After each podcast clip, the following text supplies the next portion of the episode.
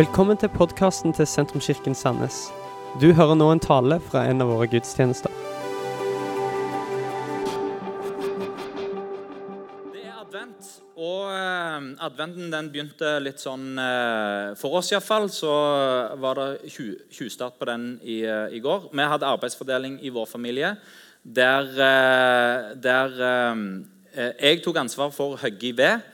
Eh, Og der eh, resten av familien tok ansvar for vasking og pynting og alt det kjekke som eh, de da får gjøre hjemme. Brukte lørdagen i skogen. Hvilken måte å bruke en lørdag i skogen med motorsag og hogge ved og gjøre alt klart til jul. Jeg har lyst til å preke om advent i dag, og overskriften er enten 'Kom og se', 'Vent og se', eller kanskje 'Mens vi venter'. Og Jeg har lyst til å begynne med en historie som det kan hende at du har hørt den før hvis du har hørt meg preke mer enn eh, to ganger. Eh, og Det er tilbake fra når jeg var 20 år gammel eh, og hadde vært i, i India i fire og en halv måned. Vært vekke fra familien, vært vekke fra Norge, hadde ikke drukket melk på fire og en halv måned. Hadde ikke spist mors brød på fire og en halv måned og hadde tatt av jeg tror jeg vei, veide 60 kilo. Eh, når mor så meg første gang, så sa hun 'kom, spis'. Eh, og jeg skulle hjem. Eh, dette var før internetts tid. Jeg hadde hatt to telefonsamtaler hjem. De varte eh, til sammen ett minutt, eh, for det var dyrt å ringe i de dager. Og det hadde vært litt kontakt med noen brev. De fleste av de kom ikke fram, men noen av de kom fram. Men da, etter fire og en halv, nesten fem måneder, altså nesten et halvt år vekke, så kom jeg hjem. Men jeg skulle ikke rett hjem, jeg skulle bare til Oslo. Eh, Og så videre derifra opp til Hamar og være med på en samling med, med mye folk der. Så skulle jeg hjem. Eh, Da, eh, da vi kom til, til Oslo, på flyplassen der, og vi gikk ut i liksom ankomsthallen, så så jeg på alle folka som sto der og vifta. Og der var det et ansikt som jeg eh, dro kjensel på. Et eh, veldig pent ansikt eh, som smilte. Det var min far som sto der i ankomsthallen i Oslo. Det var totalt uventa. Det, det var ikke han jeg venta å se der. Jeg visste jeg skulle opp til Hamar først. Det, det, altså, hvorfor, hvorfor er du her, tenkte jeg nesten. Da hadde han eh, i de dager hvor det å fly og det å komme seg fra Stav eh, var jeg ganske gammel etter hvert, det å komme seg fra Sandnes til, til Oslo det var en stor bedrift det, i, eh, i de dager. Eh, da hadde han tatt turen ens ærend eh, for for å eh, treffe meg når jeg kom, eh, når jeg kom ifra, ifra min utenlandstur. Eh, det var mer enn å sitte og vente. Det var mer enn en vent og se. Det var mer enn en eh, nå setter vi oss tilbake og så venter vi på at eh, sønnen vår kommer hjem. Men det var en forberedelse for, og det var et aktivt steg mot. Og det er akkurat det advent er. Advent er en forventningstid. Advent, advent er en forberedelsestid. Det er en forberedelse for en hjemkomst. Det er faktisk det eh, advent er. Det er ikke en forventning som setter seg tilbake i godstolen, og som eh, har en sånn vent-og-se-holdning. Nå får vi se som, hvordan ting utfolder seg. Men det er, det er en aktiv forventning. Det er en forventning som gjør noe, det er en forventning som tar noen steg. Det er, noen, det er en forventning som tar et steg mot det som kommer. Eh, Og Kanskje har vi fått en sånn feil, eh, feil tanke om hva advent betyr for noe, nettopp fordi at det handler om eh, altså, Advent er jo ikke et norsk ord, men det norske ordet 'vente' det finner vi jo inni der. så Derfor tenker vi at advent betyr å vente. Men advent er latinsk. Advent Nå kan ikke jeg veldig mye latinsk, men jeg har sett på Internett at advent det betyr 'til komme'. Eh, Så det er, det er på ingen måte en passiv venting, men det er noe aktivt som skjer. Noe som kommer. Og det tilsvarer det greske ordet parosia, som betyr eh, ikke å vente, men som betyr nærvær. I gresk dagligtale så bruktes eh, parosia det bruktes bl.a. om når en keiser, når keiseren skulle besøke en av koloniene. Når da keiseren kommer til byen, da er det parosia, nærvær av keiseren keiseren. Nå kommer keiseren på besøk. Og da er hele byen eh, er i en aktiv forberedelse. Til og med så kom en ut av byen og kom i møte eh, eh, keiseren og, og liksom geleide han inn i byen. Det er advent. Det er parosia. Det er nærvær av kongen. Eh, før vi flytta til Gandal, så bodde vi i Sande sentrum i, eh, i Øglandsparken. Og jeg satt i styret for uh, sameiet Øglandsparken. Um, det, det, var mange pensjonister som bodde der, og så var det oss. Uh, og uh, i forkant av, Vi hadde styremøte et halvår i forkant av at dronninga skulle på besøk. Da sa representanten i styret som var fra, fra eieren av huset. Han hadde en sak til agendaen Eh, og det var 'Nå må vi male'. Eh, og hvordan eh, argumenterte han for at huset måtte males? Eh, jo, for dronninga kom på besøk. og eh, Han hadde da sett på ruta som dronninga skulle geleides eh, Hun ble sykla rundt av en, av, med en sykkel. Satt foran eller bak på en sykkel. og Ruta gikk da forbi Øglandsparken, eller huset vårt, som det òg heter. Så han sa nå må vi male for dronninga kommer på besøk. Eh, og Vedtaket i styret ble med maler eh, for å gjøre klar for eh, dronninga. Det er advent. En aktiv forberedelse. Dronninga kommer, vi gjør byen vår fin. Advent er en forberedelse ikke bare for Jesu fødsel, men det er en forberedelse for tidsaldrenes ende og at Jesus kommer tilbake. Uh, vi kan dele opp, uh, Det er mange måter å dele opp Bibelen på. En måte å gjøre det uh, på er å si at i Gamle Testamentet så bygges det seg opp gjennom Når du leser fra første kapittel og gjennom hele Gamle Testamentet, så bygges det opp en forventning om en frelser som skal komme. Eh, og den, den, forventningen den lever så sterkt at på Jesus' i tid så, så, så, er det akkurat som denne forventningen eksploderer. Det er en sånn Messias-forventning. Gud skal sende frelseren for å redde oss. Gud skal sende sin frelser. Eh, og Det er den forventningen som bygger seg opp gjennom eh, hele Gammeltestamentet. Og så kommer Messias, men så kommer han på en sånn måte som er så annerledes enn alt det som en forventer. At ikke alle klarer å omfavne at han kommer. Fordi det ikke skjedde sånn eh, en, en var forberedt på at det skulle skje, men det skjedde ikke sånn som en hadde tenkt.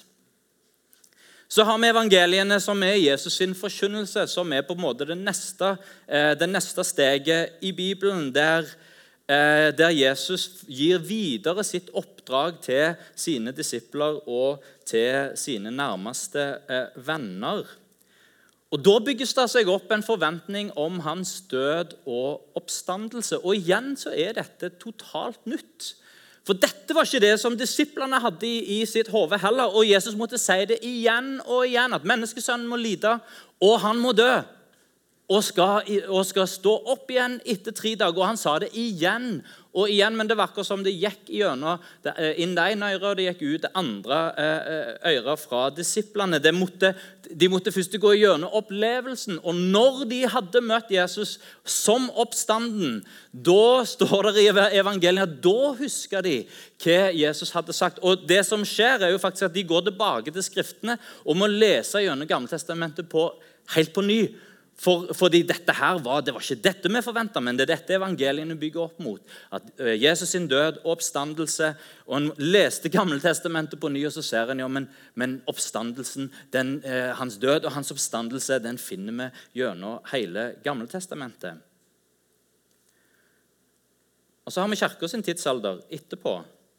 Og Her er det en ny forventning som bygger seg opp for Paulus sine brever de er jo sentrert rundt Jesus sin døde oppstandelse, men det bærer òg med seg en ny type forventning. forventningen at Jesus kommer igjen. Og Paulus han plasserer denne forventningen helt, helt inn i kjernen av sitt evangelie. Jesu herredømme begynner med hver enkelt som bøyer kne, og som gjør Jesus til herre. Men så skal Jesus òg komme tilbake igjen som herre. Da skal hvert kne bøye seg. Så Vi lever i en tid der, eh, der hver person har et valg hva en vil gjøre, og en kan bøye kne for Jesus.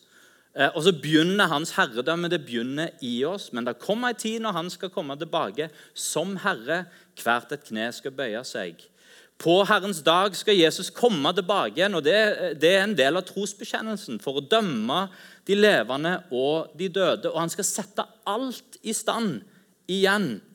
Paulus skriver at alt det skapte, det sukker stønner og ser fram mot å bli, at de skal bli satt fri fra forgjengeligheten, fra eh, dødeligheten. Og så løfter, eh, så løfter brevene opp det nye livet og den nye skapningen. En forventning om at Jesus skal komme tilbake til jorda, at vi kan ønske han velkommen som konge og herre, at han setter alt i stand, at vi får en ny himmel og en ny jord. Og at det drømmeriket som menneskeheten ønsker å skape, det etableres endelig når kongen kommer tilbake. Johannes han avslutter sin åpenbaring, eh, og dermed også hele Nytestamentet med disse ordene fra Jesus. Ja, jeg kommer snart. Og Forventningen der den er dobbel. Der er både en forventning til Jesu nærvær akkurat nå, og så er det en forventning til at hans nærvær skal være mer enn bare følt. Hans nærvær skal være mer enn noe som fins på innsida, men at han skal komme igjen. Hvordan bruker vi advent? Eh, og eh, i, sånn som tradisjonene er lagt opp, iallfall her i Norge, så er advent en tid av aktiv Det er ikke en passiv venteperiode. Det er en tid av eh, en aktiv forberedelse for høytid. Og Hver familie har jo ulike tradisjoner. Eh, men jeg er sikker for at de fleste så handler dette om eh, vasking og pynting av huset. Lys både inne og ute. Forberedelse av mat og forberedelse av fest. Vi hadde en sånn annerledes forberedelse av mat. Jeg var på, eh, på, eh, på slakteriet og kjøpte en sau på sist uke. Så det var en del av vår forberedelse denne helga. Det var å stå hjemme og dele opp en eh, sau og hive den i frysen. Det, det var interessant. Så det er en forberedelse av mat og fest. Det er, handler òg om å gjøre seg ferdige på jobb. Gjennom hele desember så har en en svær need to do-liste. La meg bli ferdig. la meg bli Bare tikke av, tikke av, tikke av. Sånn at når det begynner å nærme seg ferie, da, da er innboksen den er ren. Da er arbeidslista den er kort, eller kanskje der ikke er noen ting igjen. Og jeg kan ta ferie med god samvittighet. Og Det skjer noe med samfunnet vårt når det er et helt samfunn som tenker sånn. Da vet vi at i denne romjula og i denne ferieperioden så er det ikke noe stress som skjer. Vi kan stresse ned fordi vi har en felles forventning og forberedelse mot det som skal komme. Og så har en òg en tanke om at denne adventstida da skal en være sammen med sin familie, være sammen med sine venner eh, og eh, bygge opp under alle disse koselige familietradisjoner. Jeg tenker at Det er noe av dette som gjør eh, julehøytida så bra. Det er ikke bare ei helg, og så går vi videre. Men det er en måned som har en progresjon fram mot det som skal komme. Hvor hele, første, hvor hele mennesket, meg sjøl, er innretta mot det som skal skje.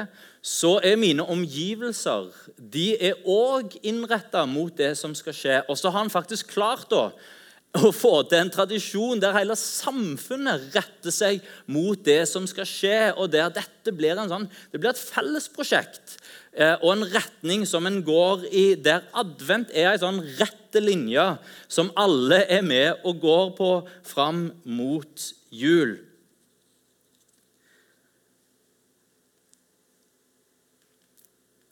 Etter Kristus så går ikke lenger livet i sirkel.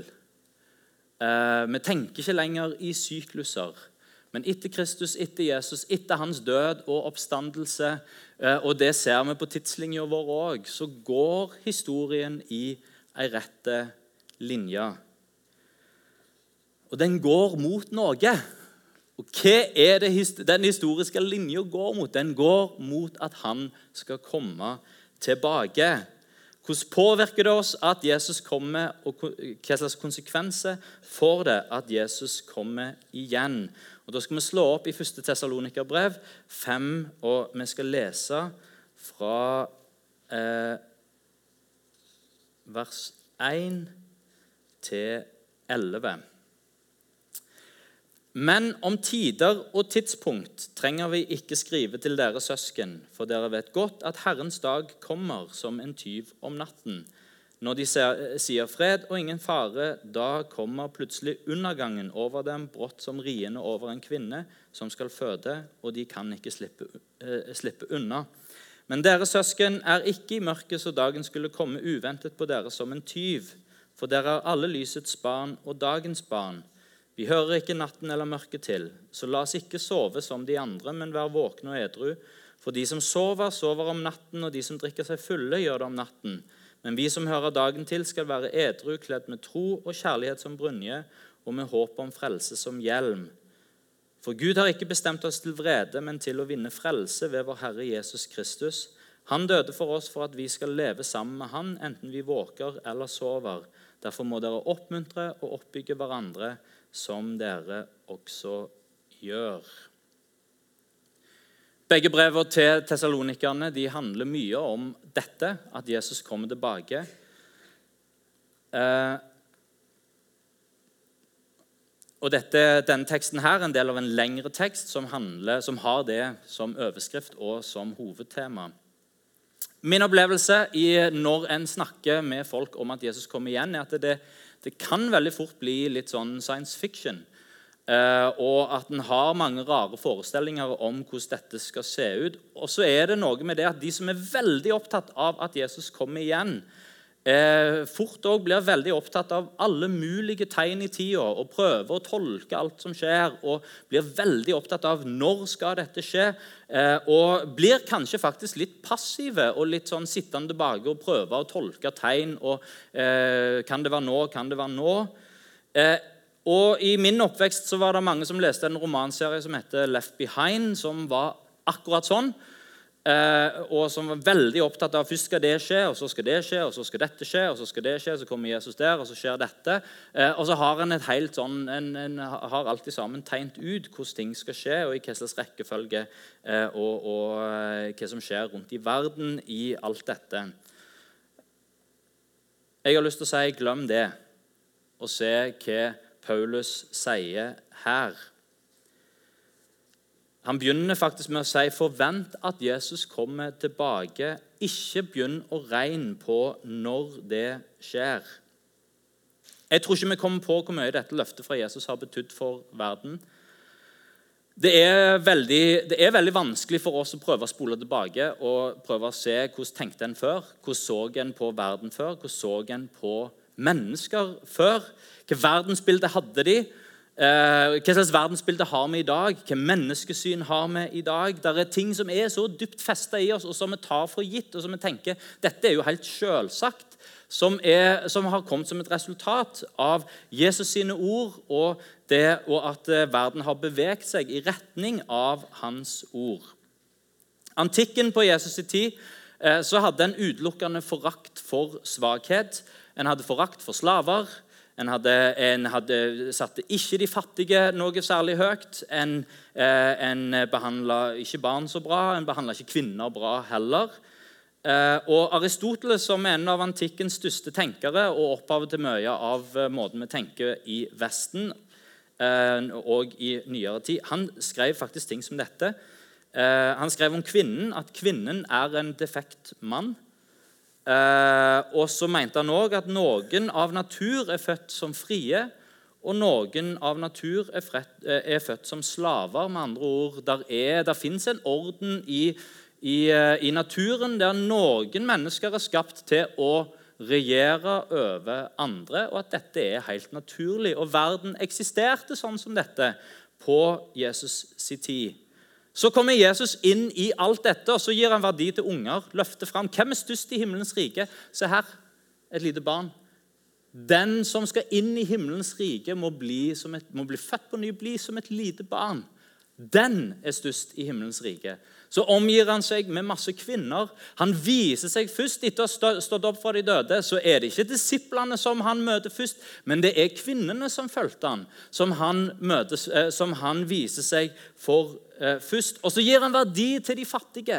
Når de rike kommer og gir i tempelkista, og de gir mye, står det faktisk òg, så ser Jesus hva som blir gitt i tempelkista. Så kommer der ei fattige enke og gir en liten skjerv, og så løfter Jesus den fattige opp foran alle disse andre rike og sier hun ga av det som hun trengte for å overleve. Hun ga mest av alle sammen. Og når han har sin åpningstale i hjemmesynagogen i Nasaret, så begynner han med å si at, eh, at Herrens ånd har salva meg, og at jeg skal sette de undertrykte, slavene, fri. Og så har Kirka fortsatt i samme spor. I en sånn grad at nå er hele samfunnet vårt advent. Hele samfunnet vårt har blitt med på den reisa. En har ikke lenger forakt for den svake, men en tenker på den svake, en tenker på den fattige. En vil være med å forandre verden og gjøre verden rettferdige. En har menneskerettigheter. Menneskerettighetene kommer ikke fra ingenting, men de kommer fra denne tanken at alle mennesker er skapt like for Gud, med en egenverdi fordi at Gud har blåst livets ånd inn i hver enkelt menneske. Vi har gått fra å tenke i syklus, der alt bare går rundt og rundt i et sånn uendelig mønster, til å si at nei, verden går ikke bare rundt og rundt i et uendelig mønster som, er for, som, er, eh, som skjebnen bestemmer på forhånd. Men verden har akkurat som desember blitt en advent som går i en rette linje fram mot at han kommer tilbake så innretter vi oss etter og er med å skape det kongeriket som kongen skal komme tilbake til. Når vi vet at ting utvikler seg, når vi tenker at livet kan bli bedre, når vi tenker at samfunnet kan bli bedre Det muliggjør både vitenskap og det muliggjør teknologiske nyvinninger. Vi har gått fra syklus til utvikling, fra skjebnebestemmelse til en himmel som venter fra frykt for det ukjente til forventning om det kjente. Paulus forkynte og skrev i sine brev om nytt liv. Han sier se, alt er blitt nytt. Han sier dersom noen er i Kristus, da er han en helt, ny skapning. Eh, og Gud gjør alle ting nye gjennom Jesus. Guds rike begynner på innsida og viser seg gjennom hele mennesket. Så påvirker det våre omgivelser, og til slutt så påvirker det hele samfunnet, og vi får en ny skapning. Det er ikke bare det Gud gjør i den som tror, men det handler om å se fram til at Jesus kommer for å etablere sitt rike på jorda. Da blir hele verden nye. Hans første komme det endrer alt. Når han kommer igjen, så blir alle ting nye for å sette alt i stand. Jeg tror det er to, eh, to feil som en kan gjøre. Det første er å glemme av at det er tid for at Jesus kommer igjen. At vi lever i denne adventen, denne forventningen. Og så kanskje, er det kanskje en annen ting som vi òg kan gjøre, og det er å glemme av Jesus fordi en er opptatt av tid og stund. Hvis du leser et kapittel fra Jesaja, et kapittel fra Esekiel, så leser litt i Zakaria, så går videre derifra til noen av eh, et kapittel eller to der Jesus forutsier ting som skal skje. Og Så et kapittel fra Paulus, og så hopper videre til Johannes' åpenbaring. Så tilbake igjen til Daniels bok og prøver å sette alt dette sammen til et sånn Her har vi det som skal skje i de siste tider. Glem det. Ikke vær opptatt av tider og stunder.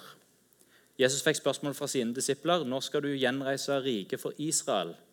Svaret han sa, var det ikke dere gitt å vite tid og stund. Det er det bare Far i himmelen som vet.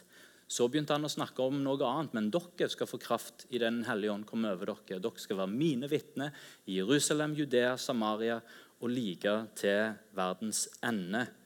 Først de hadde de feil fokus. Det hadde handlet om tid og stund.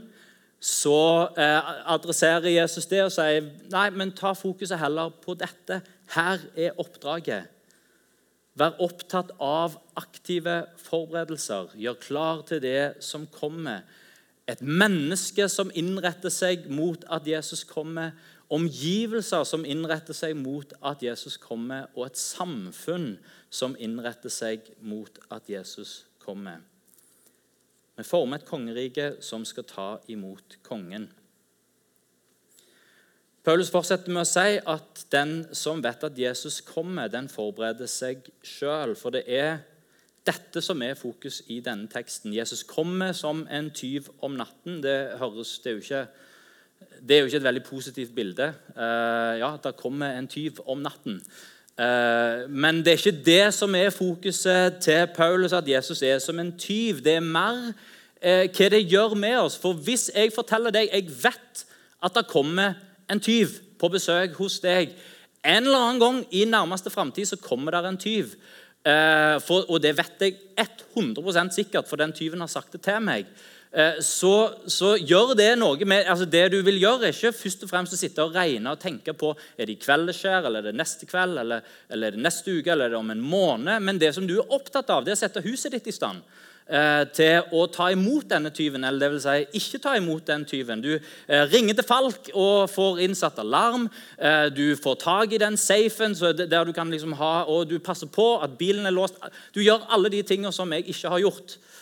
Passer på å låse bilen utenfor, har dør inn i vedboden der det er redskaper. altså Sørge for at det ikke er bare enkelt for en, for en tyv å komme og forsyne seg. For når du vet at tyven kommer, så sitter du ikke bare tilbake og venter, men du er aktiv i din forberedelse for at dette skal skje.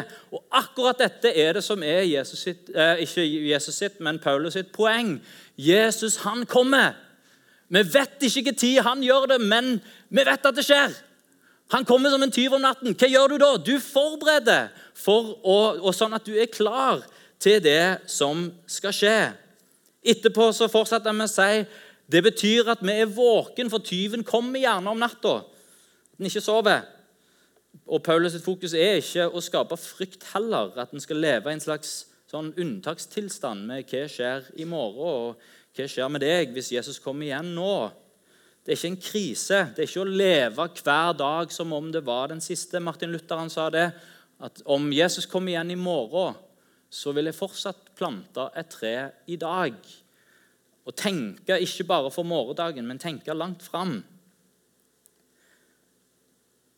Paulus skriver for dere alle lysets barn og dagens barn. Vi hører ikke natten eller mørket til, så la oss ikke sove som de andre, men være våkne og edru. For de som sover, sover om natten, og de som drikker seg full, gjør det om natten. Men vi som hører dagen til, skal være edru, kledd med tro og kjærlighet som brynje, og med håp om frelse som hjelm. At Jesus kommer tilbake, endrer mørket til lys. Og Det er ikke uten grunn at advent er fullt av lys. I en så mørke tid så gjør vi vårt beste. Eh, og vi klarer det faktisk når, hele, når alle jobber sammen. Når hvert et hus har noen utelys, når hvert vindu har ei stjerne, så er det noe som skjer med hele byen. En putter lys inn i mørket. Gjør natten til dag. Og Paulus' oppfordring er drikk deg ikke full, men vær edru. Eh, og Ut ifra konteksten her så, så, så, handler dette om mer enn å ikke bare drikke seg full, men det handler om å være, i en, være edru, være i en tilstand der en er våken, der en ikke sover. At vi ikke er bedøva i sansene. Han sier, 'Vær ikledd tro, vær ikledd kjærlighet' og vær ikledd frelse. Best om jeg snakket sammen eh, om det var i går eller for to dager siden. Hun hadde lest i Galaterbrevet og oppsummerte Der det er en liten setning som oppsummerer det kristne livet. Her gjelder bare tro, virksom i kjærlighet. Tro som viser seg i kjærlighet. Paulus sier når vi vet at Jesus kommer, ja, men da, da, da ikler vi oss tro. Vi ikler oss kjærlighet, og vi ikler oss frelsen. En kristen tro som er aktiv i, og som gjør kjærlighet. Det er det kristne menneskets forberedelse av seg sjøl når en vet at Jesus kommer. En er ikledd kjærlighet, en er ikledd tro, og en er ikledd frelse. Og Da kan bandet komme opp mot slutten her. Og Så avslutter han med å si det er òg en hjelp til å oppmuntre hverandre. Forberedelsen av, Jesus, av at Jesus kommer igjen, handler om mer enn meg sjøl og mitt liv. Det handler om å forberede Det handler om en felles forberedelse. Og der en får alle med seg. Det er noen som tenker at det er for lite forkynnelse om at Jesus kommer tilbake, og for lite oppmerksomhet på at han kommer igjen. Og jeg er enig. Det er for få kristne som er opptatt av at Jesus kommer igjen. Vi er for lite opptatt av det som faktisk har innretta hele historien. Nettopp det at en historie som før gikk bare i sirkel, og der ting var skjebnebestemt, og der en tenker at ting skjer fordi det skjer, og de det var forutbestemt til det. og Noen er forutbestemt til det, og noen er forutbestemt til det. Og så går de i denne uendelige sirkelen. Der eh, livet ikke lenger går i en sirkel, men det går i en rette strek. Der historien beveger seg fram mot noe. Men hva er dette som historien beveger seg fram mot? Jo, det er nettopp dette. At kongen kommer tilbake til sitt kongerike. Han som er herrenes herre, kommer tilbake til jorda som han er herre over. Og hvert kne må bøye seg.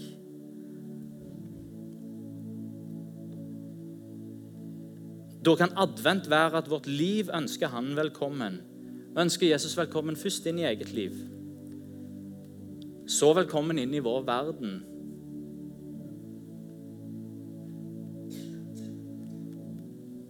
Den som er opptatt av at Jesus kommer, er ikke opptatt av tider og tidspunkt.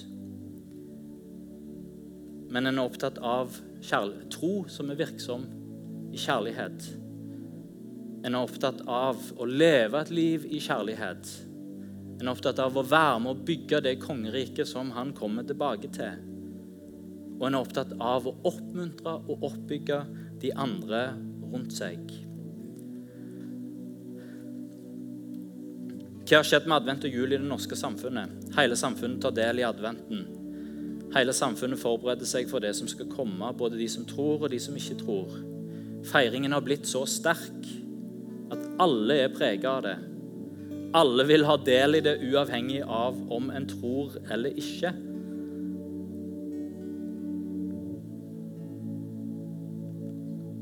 Og Egentlig er det det som har skjedd med samfunnet.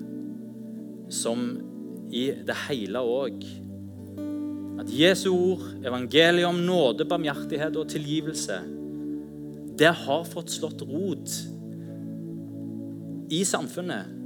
Et kristen liv med tro som viser seg i kjærlighet. Opp gjennom århundrene så har dette fått lov til å jobbe seg inn i hele samfunnet. sånn at det, Når en, en sier ting som at størst av alt er kjærligheten, men hvor i alle dager kommer det fra? Det kommer fra kongen som skal komme igjen. Når en bryr seg om den svake og en hjelper den fattige. Når en jobber for en bedre og mer rettferdig jord. Når en er opptatt av menneskerettigheter og at alle har lik verdi, uavhengig av hva en kan produsere. Når en vil forvalte og ta vare på jorda. Da tar en del i denne adventen skaper vi kongeriket som Jesus vil komme igjen til. Men spørsmålet er om i vår tid at vi fokuserer på kongeriket og glemmer kongen. At vi kanskje vil ha kongeriket, men tenker at vi vil ha kongeriket uten kongen. Vi vil ha advent med en advent uten jul.